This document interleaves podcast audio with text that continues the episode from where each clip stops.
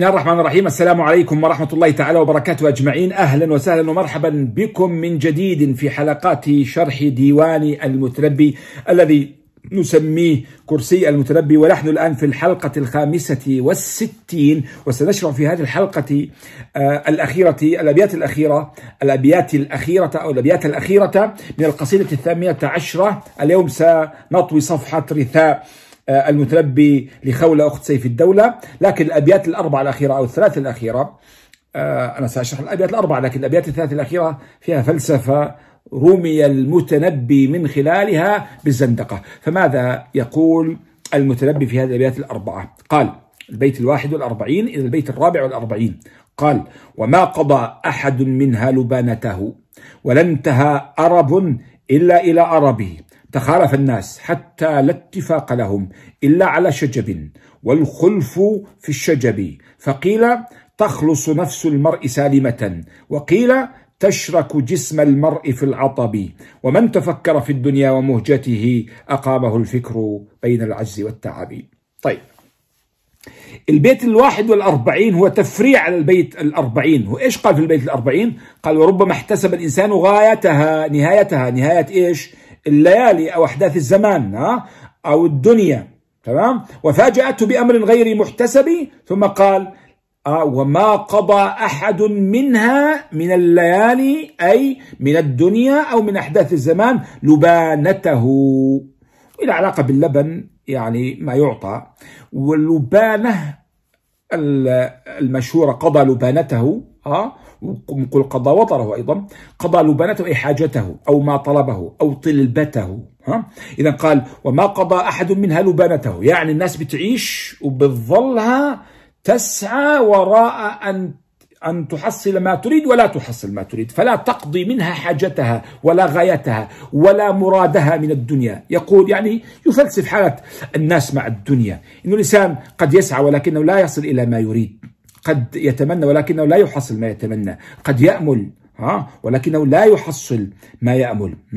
إذا قال ولا انتهى وما قضى أحد منها لبالته ولا انتهى أرب. الأرب الغاية الحاجة. آه الأرب الحاجة. يعني وما انتهت حاجة الإنسان إلا لتبدأ حاجة جديدة. حتى لو حصل شيئا فإنه لا يكتفي بذلك. فسيذهب آه أو سيبحث عن أرب جديد. ولذلك قال ولا انتهى أرب إلا إلى أربي. فالإنسان طول حياته يعني عنده أماني وأحلام وطموحات ولا تنتهي إلا بموته. يعني هذا حقيقة في الحقيقة. يعني هذا بيت حكمة. ها؟ وما قضى أحد منها لبانته ولا انتهى أرب إلا إلى أرب. المتنبي نفسه إذا أردنا أن نفسر المتنبي بالمتنبي المتنبي قال والمرء يأمل واستخدام فعل مضارع في يأمل إنه دائم الأمل ما بتوقفش الاستمرارية. لا يتوقف عن الأمل حتى لو كان عمره 95 سنة بجوز يكون عنده عمره 95 سنة وعنده أمل يبني بيتا جديدا أو قصرا جديدا. وهو مش قادر يمشي على الأرض يدب دبيبها كما قال الشاعر الآخر ها؟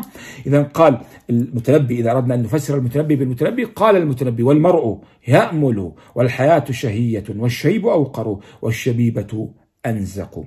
ثم قال في آخر طبعا قال المعنى بطريقة فلسفية أجمل. لست متأكدا من الذي قاله لكن أظن أن البيت لعلي بن أبي طالب كرم الله وجهه ورضي الله عنه. قال تموت مع المرء حاجاته وتبقى له حاجة ما بقي. الحاجات تنتهي بالموت. خلاص ما هو أنت ميت. كدك تأمل؟ وكيف تبحث عن حاجة جديدة. لكن وتبقى له حاجة ما بقي يعني مهما بقي. هي ما ظرفية مصدرية ظرفية يعني مدة بقائه. بظل عند الإنسان حاجة يريد أن يحققها ما دام في جسده نفس يتردد. وهذه من الحكم اللي لخصها لنا الشعراء في أبيات مثل هذا البيت.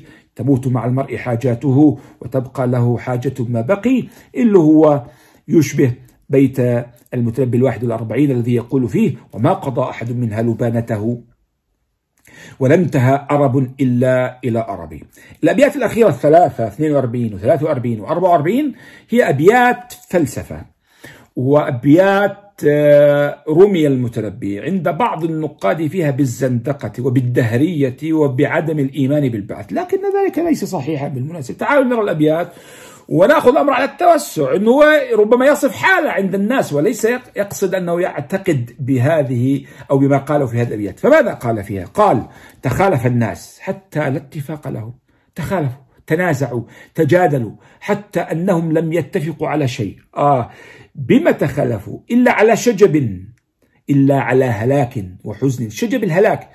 والخلف الخلاف البنات في أي شيء، في الشجب في الموت. اختلفوا في الموت يعني.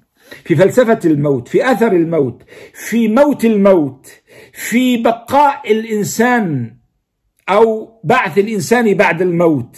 فقال لك ظلوا مختلفين في رأيين. تخالف الناس. حتى لا اتفاق لهم إلا على شجب إلا على موت يعني إلا حتى يموتوا حتى يموتوا. والخلف الغريب أن الخلف في الموت الذي سيؤولون إليه جميعا. يعني تخالفوا في فكرة الموت وهم سيموتون جميعا. طب شو الخلف؟ هذا البيت الثالث والأربعين. قال فقيل تخلص نفس المرء سالمة. وقيل تشرك جسم المرء في العطب. إذا إحنا من موقفين. الموقف الأول تخلص نفس المرء سالمة. النفس نفس المرء قصده الروح. قالوا تخلص يعني تتخلص تخرج من الجسد سالمة. والذي يموت هو الجسد. تمام؟ فقال ببقاء الأرواح في هذا الشطر الأول وهو يقصد فريقا من الناس. هذا الفريق يتجادل معه فريق آخر. قال وقيل تشرك تتشارك مين تتشارك؟ الروح. جسم المرء في العطب في الهلاك. فيهلك الجسم والروح. فما في حياة بعد موت جسد الإنسان إذ إن روحه أيضا تموت مع موت هذا الجسد. هذا الفريق الثاني. الذي يتنازع ويتجادل مع الفريق الأول الذي يقول إن الروح تخلص أي تخرج من الجسد وتبقى هي حية والجسد هو الذي يموت ويبلى في التراب. وآخرون قال لا الجسد والروح يموتان. فعبر عنهما أو عن الخلاف بين هذين الفريقين ببيت واحد قال فيه فقيل تخلص نفس المرء سالمة وقيل تشرك جسم المرء في العطب طبعا هؤلاء يسمون أيضا الدهريين. والقرآن قديما تحدث عنه ليسوا فئة يعني ظهرت على زمن المتنبي إنها فئة يعني قديمة إلى اليوم أيضا موجودة. آه، كثيرون لا يؤمنون ببعث كبار العلماء لا يؤمنون أن الله موجود أصلا حتى يؤمنوا ببعث آه، أقره الله تعالى. فيعني هذا الجدال بين آه، الناس هناك بعث أم لا يوجد بعث والموت يقضي على الجسد والروح أم لا يقضي فقط على الجسد وتبقى الروح؟ القرآن عبر عن هذه الفئة التي لا تؤمن بالبعث. مثلا في سورة الدخان قال قال الله تعالى آه، إن هي إلا موتتنا الأولى. بس موتة واحدة الأولى. وما نحن بمنشرين يعني لن نقوم من قبورنا. وقال عنهم آه، من هنا أخذ أهل الملل والنحل أخذوا مصطلح الدهريين فأطلقوه على هذه الفئة. من قوله تعالى في سورة الجاثية وقالوا ما هي إلا حياتنا الدنيا نموت ونحيا وما يهلكنا إلا الدهر. يعني وما يهلكنا إلا الزمن إلا الحياة الدنيا.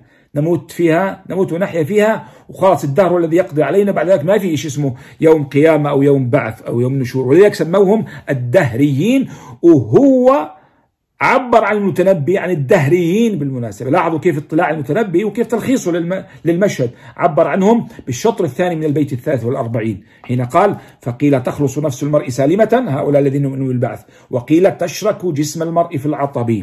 ثم قال في البيت الأخير وختم به القصيدة ومن تفكر في الدنيا ومهجته يعني روحه حياته المهجة. ومن تفكر في الدنيا ومهجته أقامه الفكر بين العجز والتعب.